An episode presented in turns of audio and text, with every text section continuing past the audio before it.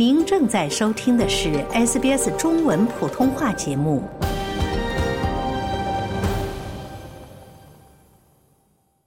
从法律角度看待社会现象，以专家意见指点生活迷津。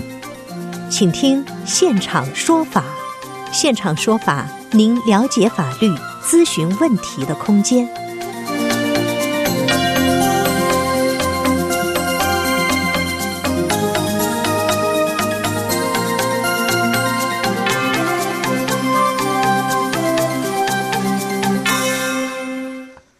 听众朋友您好，欢迎您继续收听 SBS 广播中文普通话节目为您带来的现场说法听众热线节目。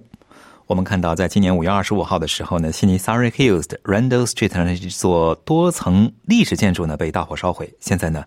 两名十三岁的男孩呢受到指控。在本期现场说法听众热线节目中呢，我们邀请 m o d o k Cheng 律师事务所首席律师郑伟俊和我们一起聊一聊青少年犯罪的话题。欢迎听众朋友拨打热线电话一三零零七九九三二三一三零零七九九三二三参与节目咨询法律和移民签证问题。首先来连线本期节目嘉宾郑律师，您早。喂，你好，谢谢郑律师做客我们节目哈。嗯，郑律师，这个案例中哈，我们看到两名十三岁的青少年呢所受到的指控哈，分别是破坏公司价值超过五千澳元的资财产，以及无合法理由进入封闭土地。呃，这是其中的两项指控啊。这些个指控，您从您看来算不算严重呢？啊，第一个算是蛮严重的啊，他有呃列出那个五千块或以上的这个金额，这个的话对于呃指控的话，这最重那个判刑的话就会有很大的一个区别。嗯，那如果是成年人来说，如果那个呃物业是五千块，这损坏的是五千块以下的话。那他最高的那个判刑只有三年而已，可是如果是五千块以上的话，最高判刑的话是可以到二十五年的。哦，差别这么大。对，呃，它有分，呃，就是它这个，呃，条款是有分，呃，这五千块以上、五千块以下，或者是几百块以下，都是有这么分的，就就是会导致最高的那个判刑会被所限制。嗯，这儿虽然说是五千块，给我感觉五千块钱不多哈，跟差别这么大。嗯，其实涉及到的这个被烧毁的这个多层历史建筑哈，这个损失可能数字非常之大哈。如果涉事青少年所造成的这个财产损失很大，他们又赔不起，作为家长或者监护人，是否需要承担这个赔偿责任呢？呃，家长跟啊家长是不需要去呃负上这个责任的啊，因为那个当事人是小孩。如果他们是成年人的话，那虽然那个呃是物业的所有者是可以提出民事诉讼来去呃提出那个赔偿，可是如果啊他们也是赔不到的话，那他们可能会被宣布破产。那有关刑事这个案子的话，他们会不会或者是有没有能力去赔偿对方的那个损失的话，会是一个啊判刑的时候被考虑的一个因素之一。哦，这样子哈，就是说我看到哈，这个大火发生于当时是个星期四哈。大火发生的第二天，这两名青少年呢就各自向警方投案自首了哈。嗯，这个动作是否会减轻他们将来，比方说所所受指控的这个罪名，将来的比方说量刑啊，或者是所受的处罚呀？啊，会的。就是如果你是自己自首，或者是你在呃被指控之后，你第一个时间。就认罪的话，那呃，按照这边的那个判刑的这个呃条例的话，是自动会减以百分之二十五的一个最高罪罪名，或者是他的惩处罚。哦，自动减百分之二十五。对，嗯，这个减的量还是嗯很具体的哈。就是说，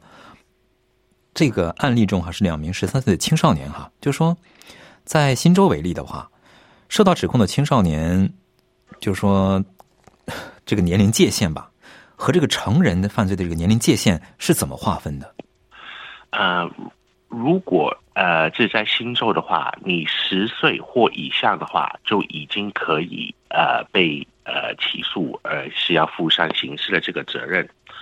啊，可是如果十岁及以下是吧？还没成，还还未成年的话，哦，那你就算是被判，呃，你呃被判的话，不会进狱，可是会进去那个少年的拘留所。嗯，然后一般来说，呃，十四岁以下的小孩的话是不会被拘留的，除非是一个很严重的一个呃罪名。嗯，您刚才提到一个数字是十岁及以下就可被起诉，是吧？对。哦，那这个年龄跟我感觉很小的样子哈。那嗯，有没有说这个？呃，您说的是十四岁以下，是不是说在这边的话，十四岁以上就跟成人没区别了呢？啊，没有，就是十四岁或以下的话，就一般是不会呃，是被判进去那个少年的拘留所。啊，十四岁以上，呃，可是是十八岁以下才会呃有这个拘留的这个呃判刑。啊，如果呃是十八岁的话，那当然就是进呃监狱了。那这个呃是那个层面跟未来的那个后果的话，都会不一样。啊，可是对啊，如果他们现在这两个小孩，他们十三岁，法院会考虑是不是该进去拘留所。如果不是的话，是不是有别的啊，是可以把他们恢复到社会，或者是给他改善的一个机会，或者是一些课程，或者是一些辅导。嗯，那就是说，这个青少年的拘留所跟我们所谓的这个成人的监狱，它有什么区别呢？啊，他就不会那么严厉，然后因为是少年拘留所，所以他们是以改善啊小孩跟辅导小孩为主，所以就是啊，是环境之类的是不会好像监狱的那么的啊那那么的严厉或者是那么的差。但是，比方说被判在拘留所待多久，这个还是会根据比方说现有的这些刑法规定来去判例的，是吗？啊，少年拘留所的话，呃，如果是单。单次的一个罪名的话，最多是两年；如果是多次犯罪的话，最多是一次性的是三年。哦，这有明明确的这个年限的规定哈，就是说，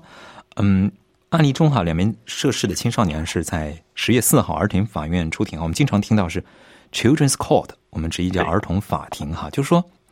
在新州为例的话，儿童法庭是不是说审理所指一个年龄范围内的？就是十八岁以下的未成年人，所有这名指控都是在这儿审理呢。啊，对的，除非是很严重、很严重罪名，比如说你啊已经接近了十八岁了，比如说十十六七岁，而且你啊是你犯的那个罪名的话是非常严重的，这最终判刑是可以终身呃监禁的。哦，这种的话，那警方那边可以考虑申请要去把这个案子卷到普通的那个法院来去审。啊，因为呃，Children's Court 跟普通的那个法院最高的判刑、跟拘留、跟监狱的那些啊限制是不一样的。嗯嗯，就说一般来说，在新州的话，青少年犯罪啊，一般是儿童法院什么样的罪名，比方说会受到指控呢？这个儿作为一个青少年跟成人，他有区别吗？儿童审理的这个儿童法院审理的这个罪名来来说的话，嗯。罪罪名是指控的话是不会有区别的，可是他们的那个呃后果，比如说留不留案底，啊会不会被拘留，或者是那个罚款啊，这是会比较低的，啊，这因为呃那个 Children's Court 那一边主要的目的是想要去改善或者是辅导这个小孩，而不是处罚这个小孩。嗯，那么这个案例中哈，被烧毁建筑的所有者呢是损失最大的一方，啊可以说是。面对这样的损失，就是说怎么办呢？就认命了呢，还是该怎么索赔或者是弥补这个损失呢？呃，这种大楼的话，一般都会有保险的。啊，如果他是那种呃，这这一次的话是那种 heritage 是有被受保护的话，他们是必须要买保险的。嗯，那如果这个保险金呢是不足够的话，那那个 heritage council 那一边也是有一个基金是可以向他们申请来去呃维护这种建筑的，或者是重建这种建筑。太好了，亲母有一定的可以弥补一定的损失哈。非常感谢郑律师给我们的介绍啊。刚才您听到的是摩托城律师事务所首席律师郑伟俊。从案例出发聊的青少年犯罪的话题，欢迎听众朋友继续拨打热线电话一三零零七九九三二三一三零零七九九三二三参与节目咨询法律和移民签证问题。接下来我们来接听听众电话，这位是吴女士，吴女士您好。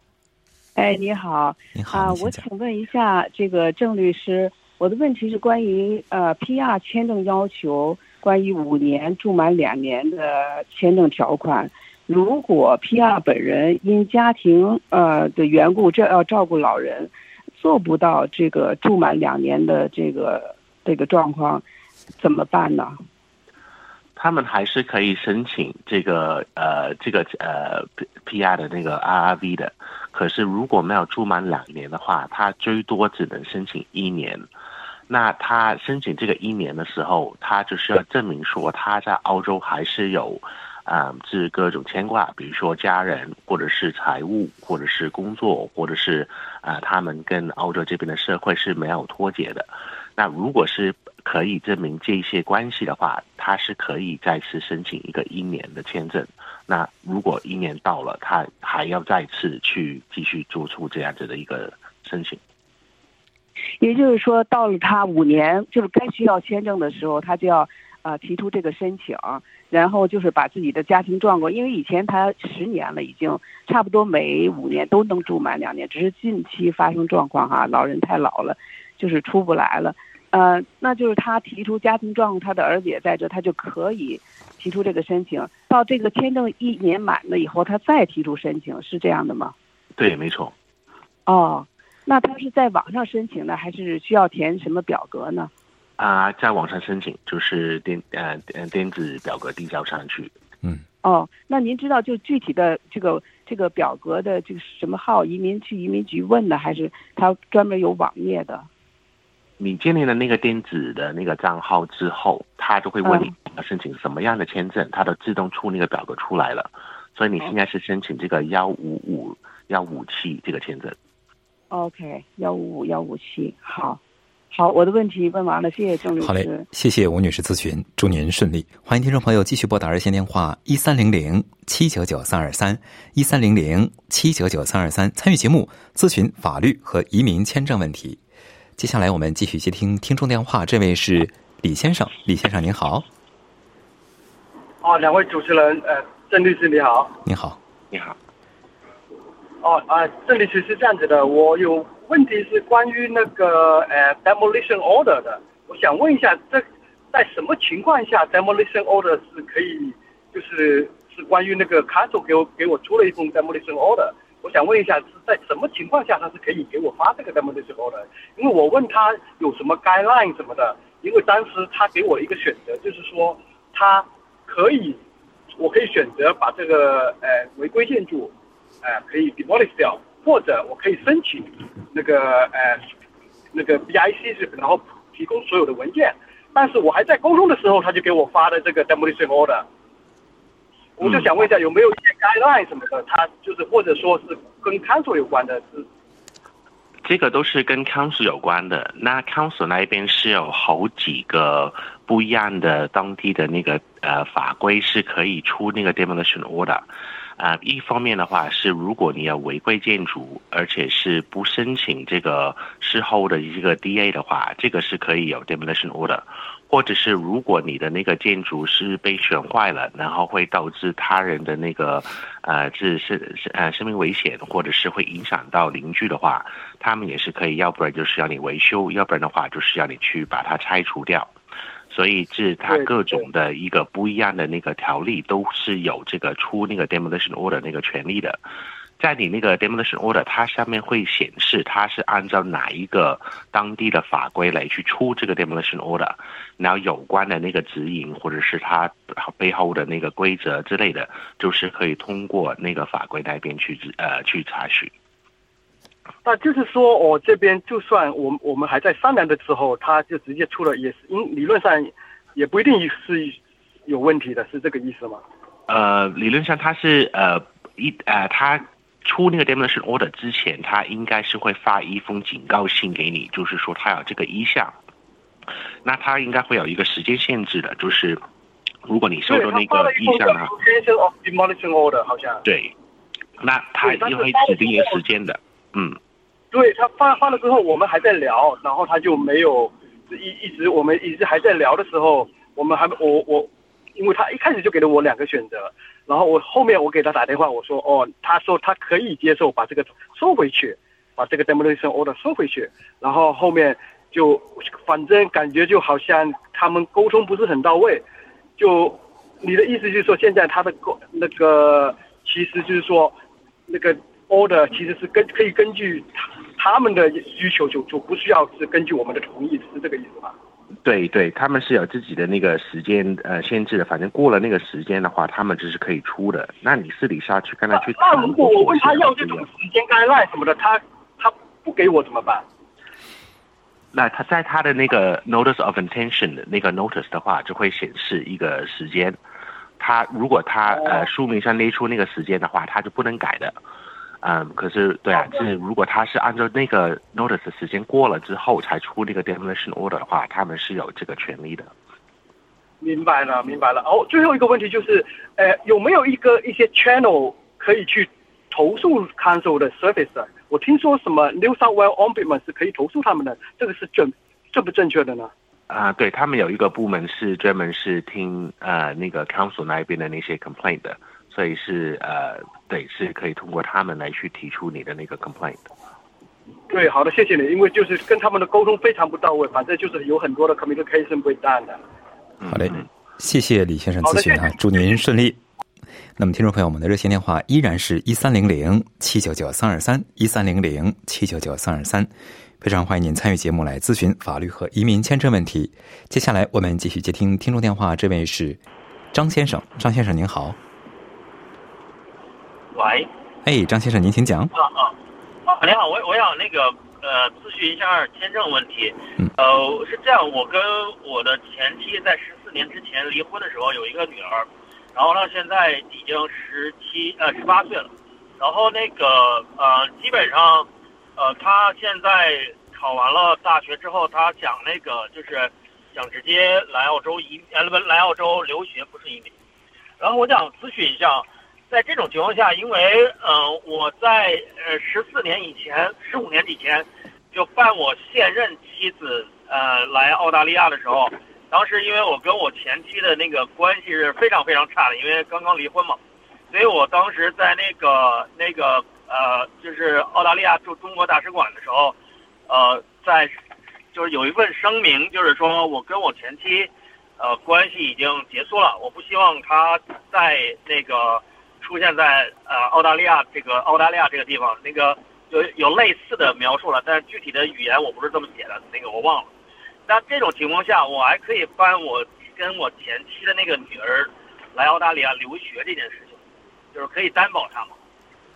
呃，还是可以的。呃，那你的这个问题就是，如果你之前嗯是帮你的现任的那个妻子申请这个配偶签证的时候。应该是要申报你所有的小孩的，包括你前妻的小孩。那如果你当时是没有申报之前的那个小孩的话，那你这一次的那个申请可能会有一些困难。啊，这你当然是可以呃证明到她是你的那个亲生女儿，可是你就是要跟移民局去解释为什么当时没有把她申报上去。我当时申报了。啊，那如果有申报的话，那就跟你前妻是没有什么直接的关系的，你就可以去对啊，这呃继续正常呃流程这样子去 double 女儿过来。OK，那如果他要是在这边大学毕业之后，不下来，他他之之后就跟我没有任何关系了，就是说我是说从那个移民这个角度的法律上讲没有任何关系了，对吧？啊，小孩的话是可以到呃二十二岁还算是你的那个家庭成员之一的，啊，有些签证是二十二，有些就是十八，啊，或者是如果他十八岁之后，或者是他十六岁就结婚了之类的话，就会脱离你的那个家庭的核心成员，所以就是看你是什么样的一个签证了。好的，好的，谢谢。好嘞，谢谢张先生的咨询，祝您顺利。接下来的这位听众是洪先生，洪先生您好。哎，主持人你好，啊，律师你好，呃，我想问几个，嗯，并不呃，就是比较呃尖锐的一些问题。嗯，第一个问题是，比如说一个普通人遇到了法律问题，他需要去找律师，比如说在健康行业的话，会去先去找 GP，然后再去 GP 会推荐他到不同的专家那儿。那从律师方面来讲，有没有不同的等级，或者说，如果我遇到了法律问题，我是从去去哪里询问，或者说是从哪里开始呢？啊，你如果是不认识律师的话，你可以去那个律师协会，就是那个 Law Society，跟他们讲你大概的那个案子跟需求，然后你的那个呃居住的地点或者是要语言的需呃需求，他们就会给你三个合适的那个律师事务所给你去咨询，然后嗯，就如果他们那他那三家都嗯不符合你的要求的话，你还可以再回去再再拿多两三家事务所的那个名字。那你去见了那个律师之后，每个律师是自己会有呃自己规范的自己的那个呃是比较专业的一个领域啊，你呃这如果他们是处理不到你那个案子的话，他们可能会呃自介绍或者是派另外一个律师来去处理啊，或者是让你去找另外一个律师事务所。那呃这律师是类似 GP 这个。呃，等呃等位的，就是他们都是啊没有指定呃一定要接或者是必须呃会做的那些案子，所以你就是要跟每个律师去沟通，看看他的那个专业程度跟他的那个啊平常处理的那些案子是不是符合你这个案子的那个需求。嗯，好的，谢谢。嗯，我好之前听节目的时候听嗯一些律师说，有些时候可以通过什么 tribunal 或者是一些。法庭的一些调解，这种是就是不需要通过律师的。呃，我就在想，我对嗯澳洲的法律系统不是特别普及，包括警察系统，嗯，有没有一些比较普法的项目，或者是政府一些 com 一些 campaign 或者是什么一些其他的一些宣传活动，嗯，针对民众的，然后或者是你有知道就是一些普法的项。嗯，你你可以去那个，这如果是新州的话，它有一个 website 叫 Law Link，啊，Law Link 里面的话就是有做一个简单每一个法院的一个简单的一个介绍，跟他们管理的那个那种呃案子的类别，然后呃，是你去 Justice Commission 的那个网站的话，也是会列出各种法院跟各种 tribunal 里面可以处理的案子的类别，啊，跟整个流程。所以，如果你去这两个网站的话，你大概可以自认知一下澳洲这新州这边的那个法法啊法院跟法律的那个体系啊。可是，如果是课程的话，那嗯，有一些大学是有一个初呃初级的一个啊，这法法律法律课程可以是可以念的。那那个不是念法律，可是是念那个澳洲这边的那个法院跟那个呃立法院的这个。呃，架构呃是可以去上这种课的。嗯啊，那种会是三四年的课程吗？还是我只是想就是简单了解一下？啊，我知道还有单独一个课程是不会拿到学位之类的，它有一个呃，他有一个课程是呃，只是讲那个新州的那个法律架构的。呃，可是这你要去报什么样的一个呃学历才可以去上这个课，我就是不太清楚。供您参考，先生。谢谢。啊，那在如何挑选律师方面，特别是费用方面，你有什么建议呢？啊，你去跟每个律师最开始收费之前的话，他们都是要提供一个书面上的一个收费标准。那如果你那个案子的话是三千五以下跟三千五以上的话，都是有一个不一样的一个法律规定来去啊管制他们需要用什么样的一个方式去跟你去申报。嗯，所以对啊，是你去。啊，跟律师谈完之后，那最好是确认，如果是收委托的话，就是让他们去提供他们的那个收费标准，书面上的收费标准给你。嗯嗯，好的。呃，我再回到第一个问题啊，不好意思啊。所以其实每个律师他其实能接很多案子，即使可能不是在他专业范围之内，就有点像呃全科医生一样，他们是在受到培训的时候是什么法律都要去学的，对吗？对对，没错，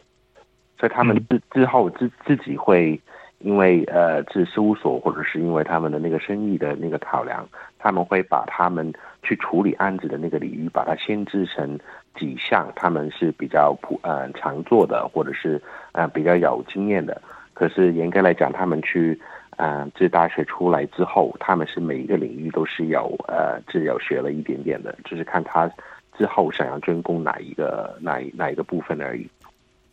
嗯，那法律的话，比如说在呃护士领域，它是有呃、不同的等级，有可能律师方面，我印象中是不是有大律师、小律师，什么 solicitor 或什么之类的？